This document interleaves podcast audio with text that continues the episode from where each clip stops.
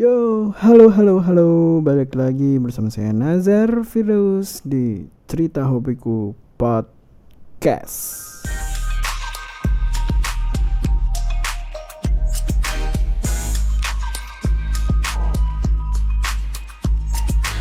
Oke guys, eh, akhirnya setelah sekian lama tidak podcast lagi ya kan, akhirnya balik lagi di cerita hobiku podcast bersama saya sudah pasti Nazar Firdaus. Nah, di kesempatan kali ini saya akan cuap-cuap ya atau ya bercerita tentang keluhan ya, keluhan anjir. Enggak, uh, jadi bercerita tentang di sini saya akan mengangkat tema topik yang menarik. Jadi masih ada hubungannya dengan sebuah hobi ya kan, karena ini kan podcastnya cerita hobiku uh, ini masih ada ya terkait dengan hobi lah. Nah, uh, hobi apa itu? Nah, di sini ciri-cirinya adalah hobi ini banyak sekali orang yang terutama orang awam ya yang uh, menganggap atau melihat bahwa hobi ini adalah sesuatu hobi yang buang-buang uang atau hobi yang kayaknya tidak terlalu penting di budaya kita gitu atau di lingkungan kita. Nah, sudah tahu dong pasti ya kan apa itu hobinya? Yo sudah jelas dong.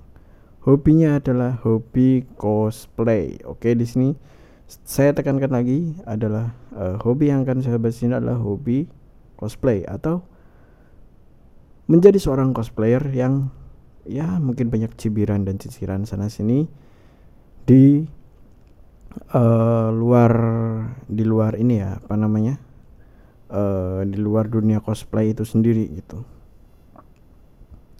dan um, di sini saya hanya akan bercerita ya dengan sudut pandang saya sebagai pengamat, penikmat dan penggemar cosplay, bukan sebagai pelaku cosplaynya atau cosplayernya.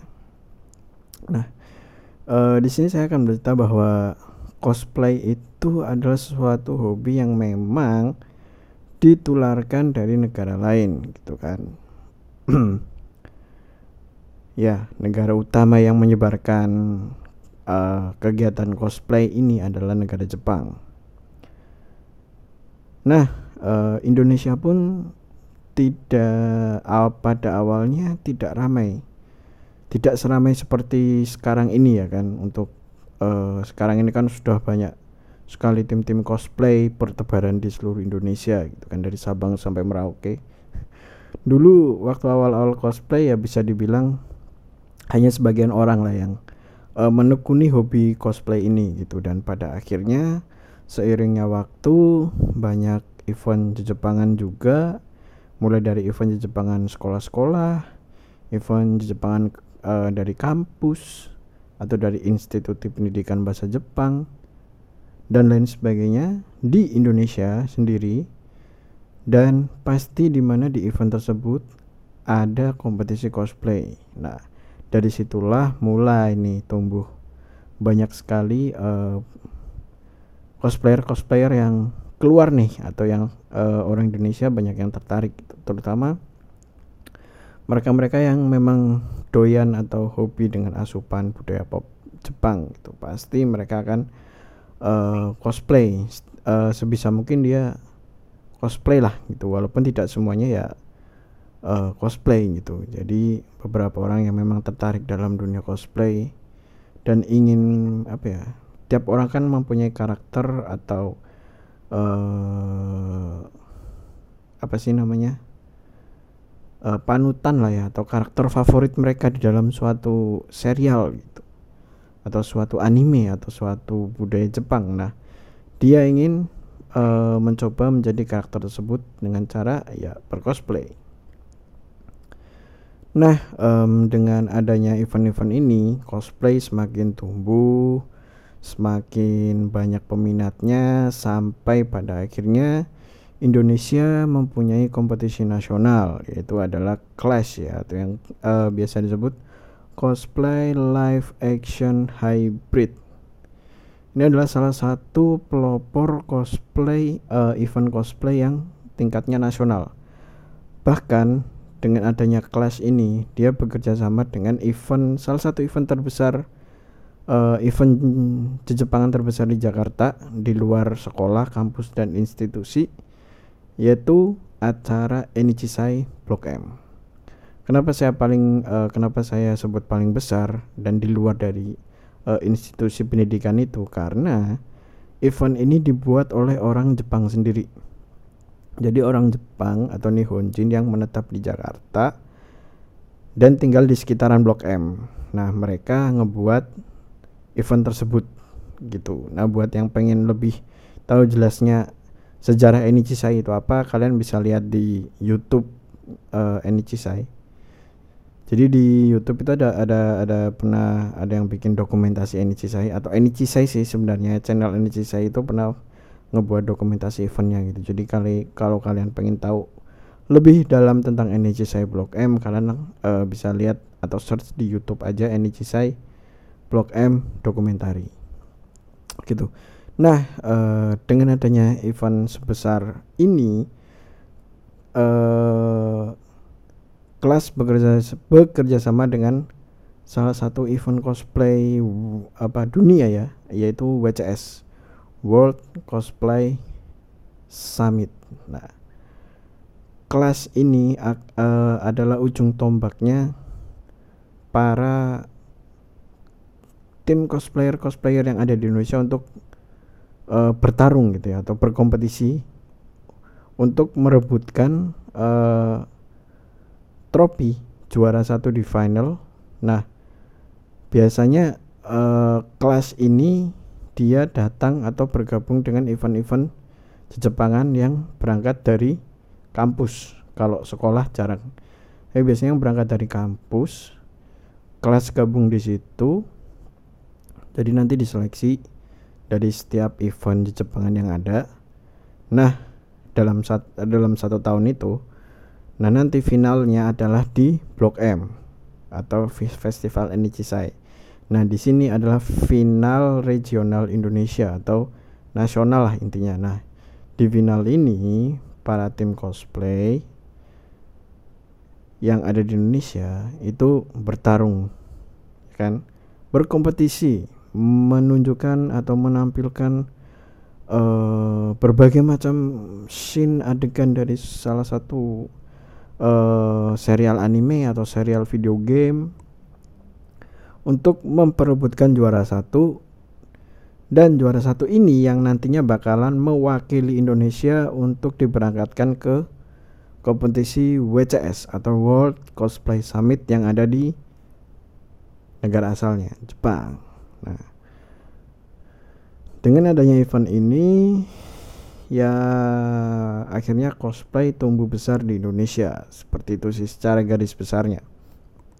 Nah, uh, selanjutnya saya akan ngebahas tentang uh, cosplaynya itu sendiri. Nah jadi uh, cosplay ini kan memang ada yang uh, cosplayer individu atau cosplayer freelance dan ada cosplayer tim atau tim cosplay nah kalian sudah bisa bedain dari istilahnya ya kalau cosplayer individu yaitu dia uh, hanya cosplay untuk menunjukkan atau istilahnya uh, memerankan karakter yang dia suka ketika event.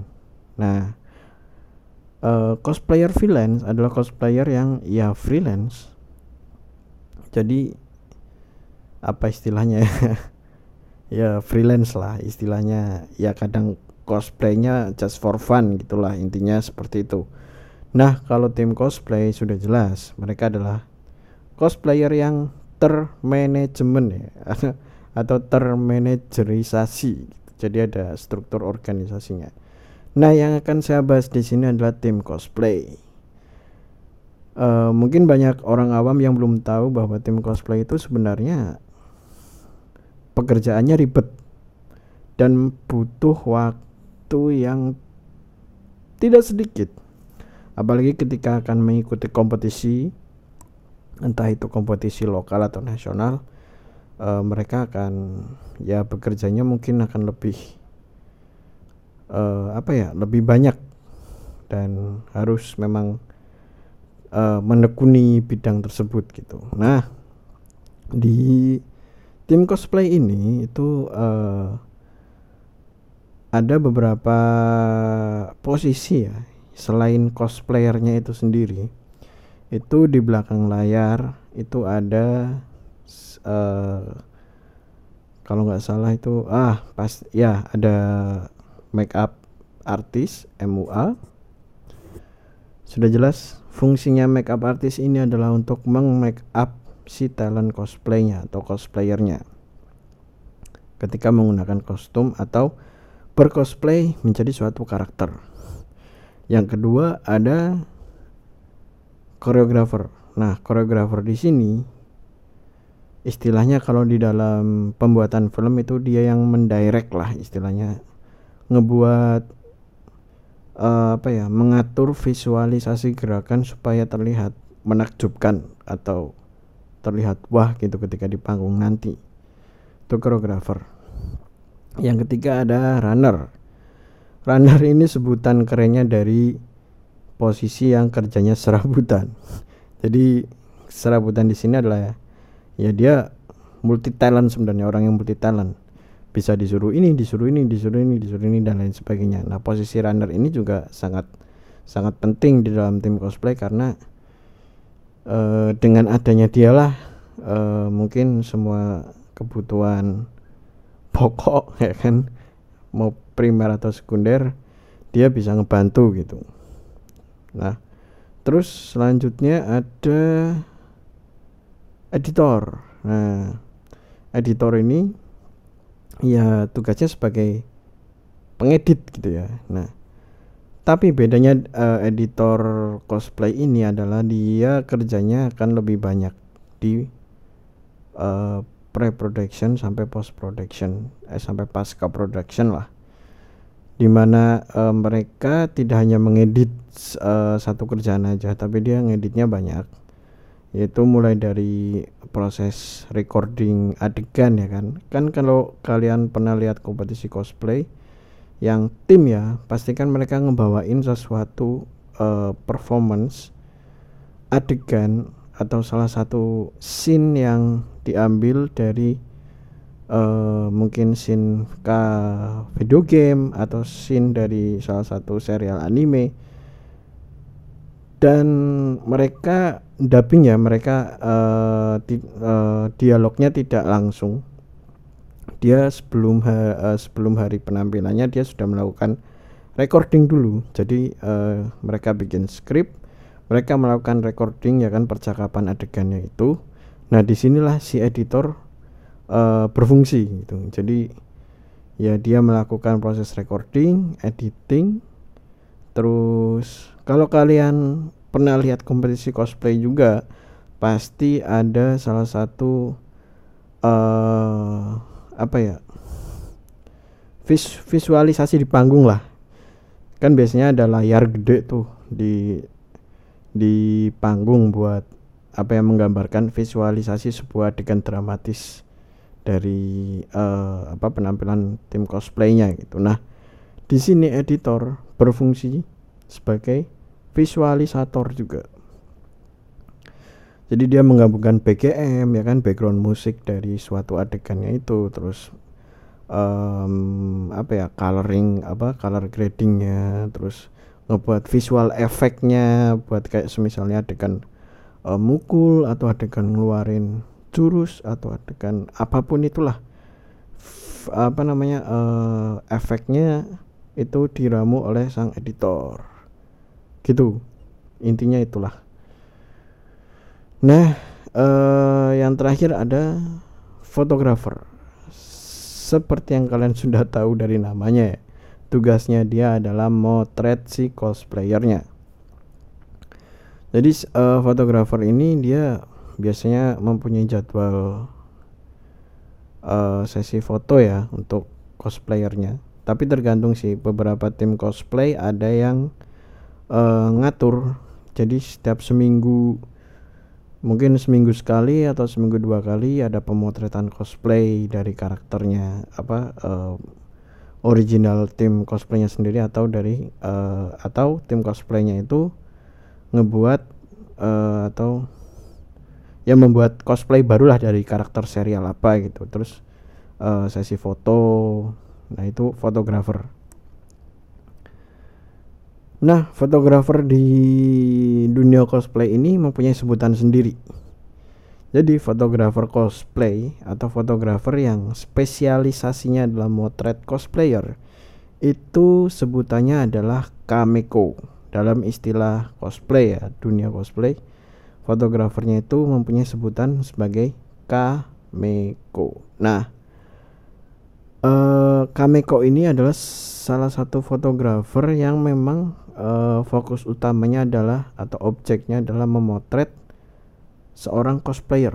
Nah, itu disebut kameko. Nah, yang perlu kalian ketahui juga dalam sebuah dunia Jepangan ya atau event cosplay dan lain-lain sebagainya Uh, tapi di sini khususnya untuk di event cosplay sih. Jadi Kameko itu ada kalau menurut saya nih ya sebagai pengamat uh, cosplay dan apa namanya hiburan Jepangan untuk Kameko itu kriterianya saya bagi menjadi tiga. Jadi ada yang Kameko freelance, oke, okay. ada Kameko team, player ada juga Kameko just for fun nah uh, saya akan ngejelasin secara singkat padat dan jelas saja. Jadi kalau Kameko yang freelance itu dia seorang fotografer cosplayer yang tidak terikat oleh tim mana pun atau tim cosplay mana pun. Jadi dia bebas. Dia posisinya dari luar gitu.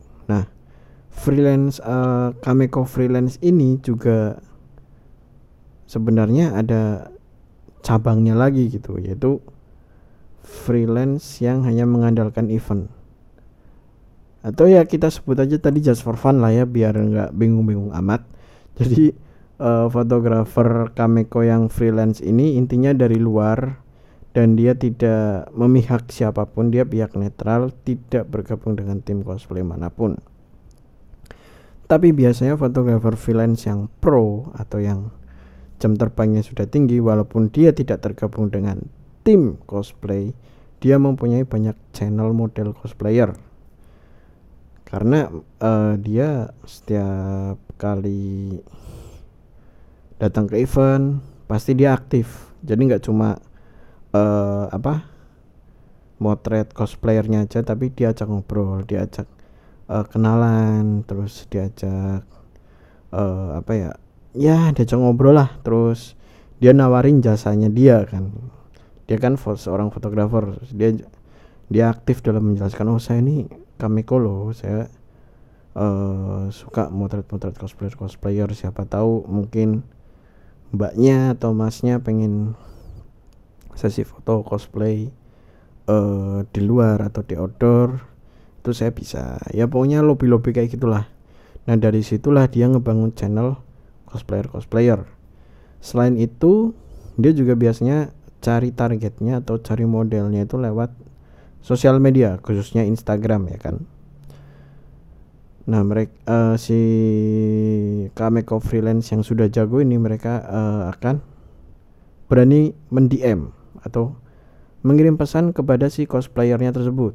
Jadi uh, ya biasa seperti kenalan dulu, terus dijelaskan maksudnya apa uh, dan tujuannya apa gitu kan. Ya jelas. Ngajak dia foto atau menjadikan dia sebagai objek cosplayer gitu kan. Karena dia seorang model cosplayer.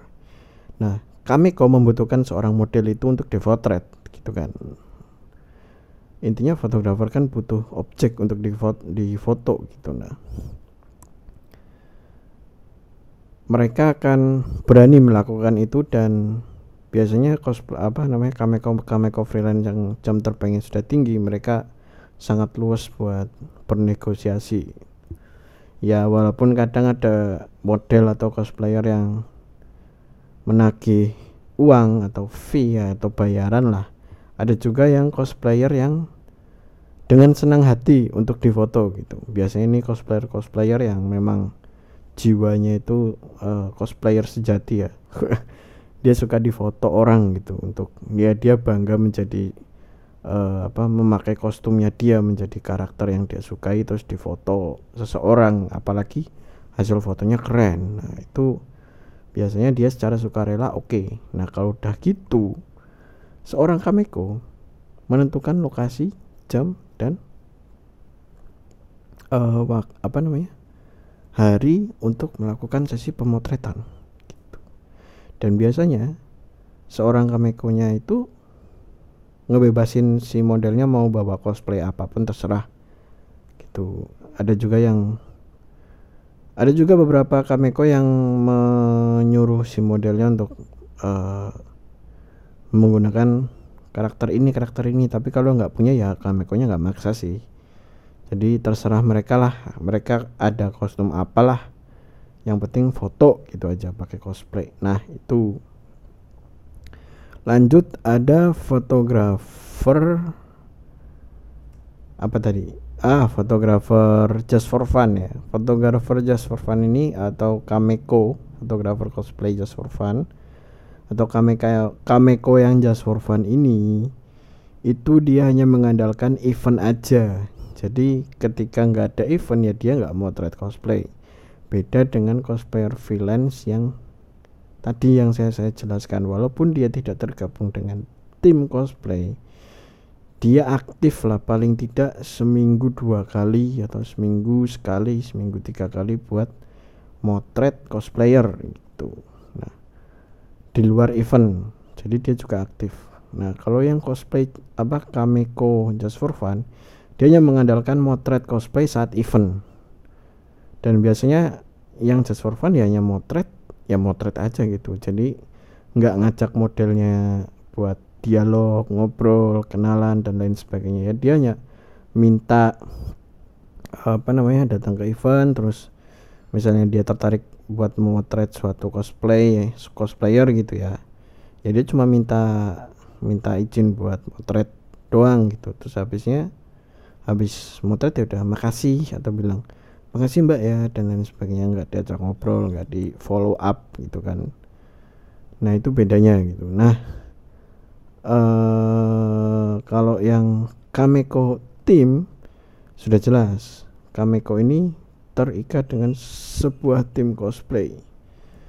Jadi biasanya tim cosplay ini yang profesional biasanya dia punya uh, apa ya sesi pemotretan cosplayer yang sudah terjadwal.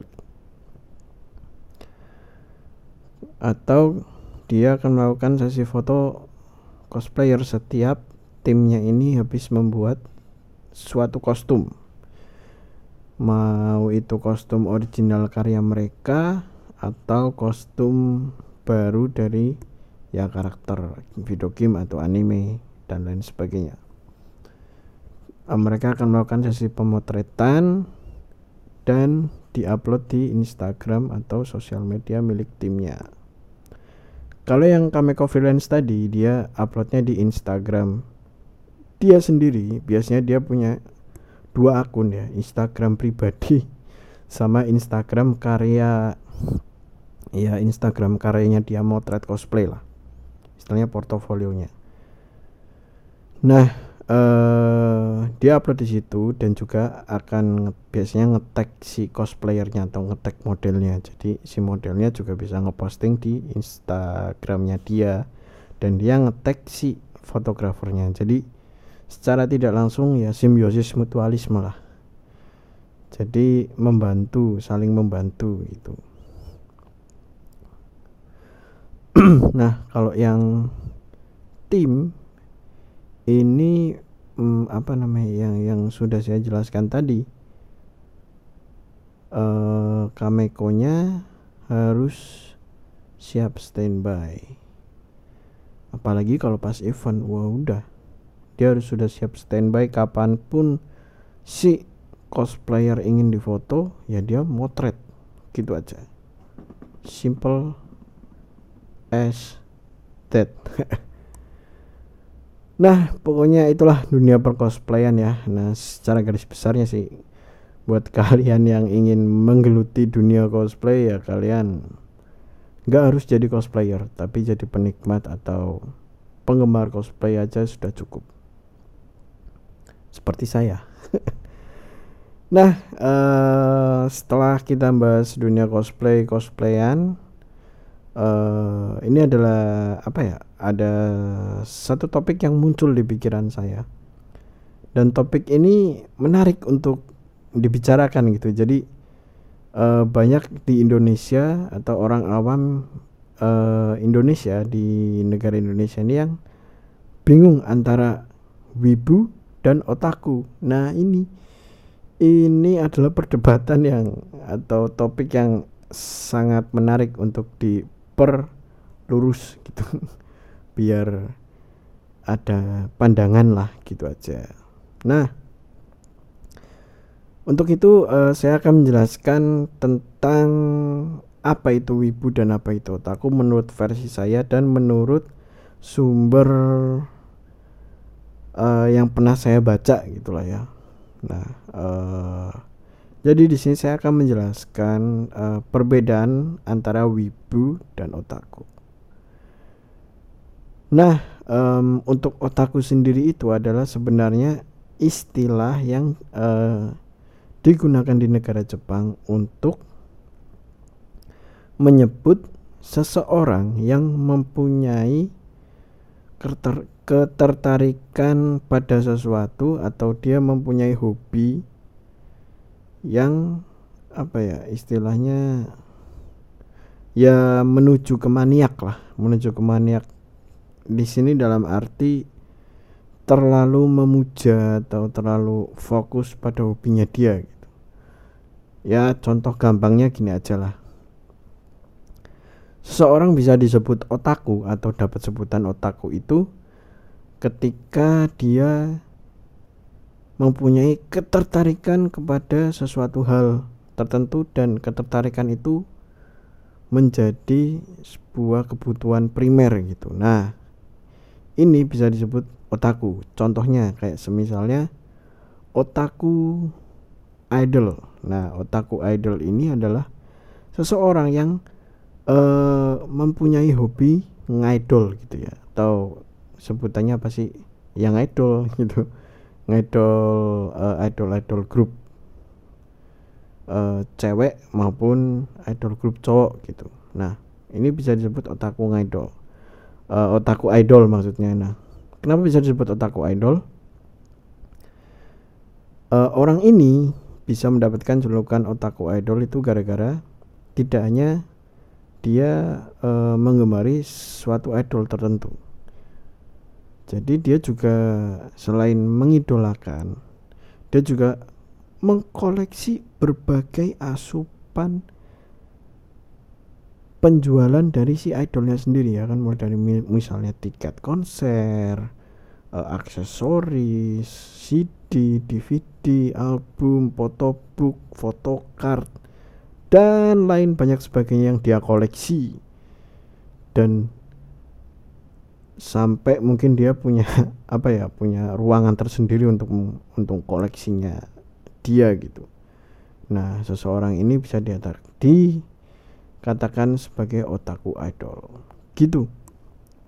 Sama halnya ketika seseorang yang tertarik contoh semisalnya kayak tadi hobi ya kan? Ya misal ada orang yang suka ngoleksi action figure ya. Nah action figure di sini adalah action figure yang uh, karakternya dari karakter anime ya. Kalau dari dari luar karakter anime kayak Marvel terus karakter superhero superhero barat atau di luar Jepang itu uh, belum bisa uh, belum bisa disebut sebagai otaku action figure. Otaku action figure di sini lebih ke karakter anime. Nah orang yang saking tertariknya dengan action figure mungkin dia bisa sampai mengkoleksi berbagai series mungkin dari series awal sampai series akhir punya berbagai karakter action figure dari semua serial anime dan lain sebagainya sampai dia mempunyai suatu ruangan tertentu atau kamarnya penuh dengan barang action figure. Itu kita bisa sebut dia sebagai otaku action figure. Gitu aja. Nah kalau untuk di luar itu kalau di Jepang ada yang unik nih. Jadi kalau ya sama sih di Indonesia punya komunitas penggemar bis nah, di Jepang sendiri ada uh, komunitas atau seseorang yang tertarik dengan dunia perkereta apian sampai-sampai orang ini tuh paham tentang jalur uh, kereta api terus tentang perihal uh, seluk beluk stasiun terus sampai ke jenis kereta dan seri kereta tersebut mulai dari kereta biasa, kereta listrik, kereta cepat. Dia paham, padahal dia bukan orang yang bekerja di institusi uh, perusahaan kereta tersebut ya entah dia jadi masinis, entah dia kerja di stasiun dan lain sebagainya. Dia hanya orang luar yang hanya apa ya istilahnya penggemar berat per kereta apian gitu tapi dia tidak kerja di dunia itu. Dan bahkan kadang orang ini lebih tahu daripada orang yang bekerja di dunia perkereta apian gitu. Nah orang ini bisa kita sebut dengan otaku kereta api. Gitu. Jadi otaku itu adalah istilah untuk menyebut seseorang yang mempunyai ketertarikan pada suatu hal tertentu dan ketertarikan itu menuju kepada arah maniak gitu aja. Nah untuk wibu sendiri itu sebenarnya adalah sebutan ya kan? Sebutan untuk seseorang yang terobsesi atau menyukai budaya negara Jepang. Itu bisa disebut wibu saya juga bisa disebut wibu juga sih sebenarnya. Nah jadi wibu ini sebenarnya artian luas gitu. Jadi tidak seperti otakku yang merujuk pada suatu hal tertentu atau suatu kegiatan tertentu wibu ini adalah sebutan untuk seseorang yang uh, mereka mempunyai ketertarikan dengan negara Jepang. Keter ketertarikannya itu luas dia. Jadi tidak hanya sebatas uh, dunia popnya saja tapi dia juga mempelajari tentang sejarah Jepang ya kan? Uh, terus mempelajari budaya hidupnya orang Jepang bagaimana terus budaya kerjanya bagaimana gitu kan? Terus budaya tradisionalnya sampai dia belajar bahasa Jepangnya sendiri karena dia tertarik dengan negara Jepang itu bisa disebut sebagai wibu juga. Itu arti arti sebenarnya dari wibu gitu menurut saya. Tapi kalau di Indonesia wibu itu istilah yang digunakan orang awam atau orang di luar. Pecinta Jepangan adalah uh, sebutan yang bisa apa ya jatuhnya malah menjelekan atau menyindir seseorang tersebut gitu. Padahal wibu itu hanya hanyalah sebutan ya ya sebutan sebutan normal-normal aja gitu. Sebutan-sebutan biasa aja sih nggak usah dibuat apa ya dijelek-jelekin lah. Gitu aja. Kayak semisalnya kalau kalian nah gini aja. Kalau kalian uh, mempelajari bahasa Jerman misalnya Kalian mempelajari bahasa Jerman karena kalian tertarik dengan negara tersebut. Mulai entah itu mulai dari bahasa, budaya, dan lain sebagainya. Itu bisa disebut sebagai wibu juga sebenarnya. Cuman karena wibu ini istilah untuk orang yang hanya uh, spesifikasi di Jepangan atau uh, ketertarikan dengan negara Jepang. Jadi wibu itu bisa ya bisa dibilang seperti tadi. Kalau misalnya kalian tertarik dengan negara apa ya? Ya suatu hal tersebut lah katakan katakan aja negara gitu aja. Nah itu bisa bisa dibilang wibu. Cuman ya sekali lagi wibu ini hanya istilah yang digunakan untuk seseorang yang uh, apa namanya terobsesi dengan negara Jepang mungkin kalau uh, ada sebutan atau istilahnya sendiri-sendiri. Kayak misalnya mungkin Jerman punya sendiri istilahnya buat seseorang yang uh, apa namanya menggembari menggembari atau terobsesi dengan negara Jerman gitu. Atau Thailand, Cina, Malaysia, Rusia, Amerika dan lain sebagainya. Kalau mereka punya sebutan sendiri, istilah sendiri buat seseorang yang memang terobsesi dengan itu, itu malah lebih menarik. Gitu. Gitu aja sih sebenarnya wibu itu secara garis besar itu. Jadi dia uh, tertarik dengan negara Jepangnya itu sendiri gitu secara luas ya. Ya itu tadi mulai belajar bahasanya belajar sejarahnya terus bagaimana kehidupan budaya di sana mulai budaya tradisionalnya budaya popnya mereka mempelajari itu semua gitu nah itu bisa disebut dengan sebagai wibu Nah, wibu di Indonesia ini lebih ke jatuhnya lebih ke seseorang yang uh, tahu atau mengenal hanya sebatas budaya popnya aja ya.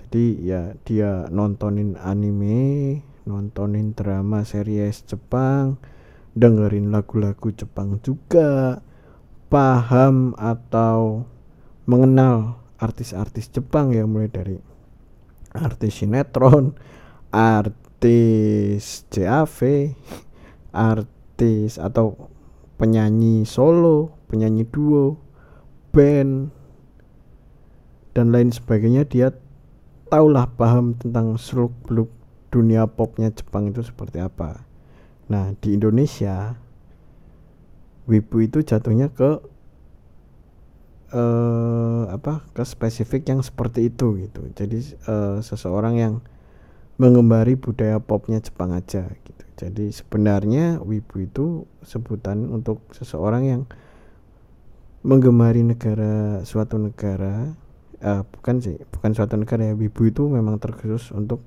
seseorang yang memang terobsesi dengan negara Jepang gitu aja tapi secara luas Nah, kalau di Indonesia sendiri, wibu itu adalah sebutan untuk ya seseorang yang stylenya Jepangan banget lah.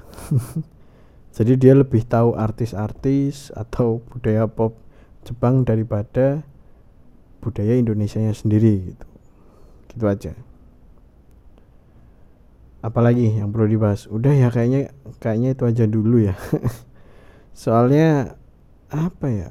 ya selain saya capek ya kan ngomong sendiri gitu kan uh, ini dari tadi saya belum minum loh ini agak-agak seret-seret gimana gitu kan nah um, jadi apa ya ya pokoknya uh, pembahasan kali ini adalah pembahasan simple padat dan jelas tentang uh, mulai dari cosplay terus otaku sampai ke wibu ya kan. Jadi buat kalian yang mendengarkan podcast ini ya mudah-mudahan ada hal-hal positif yang bisa diambil gitu ya.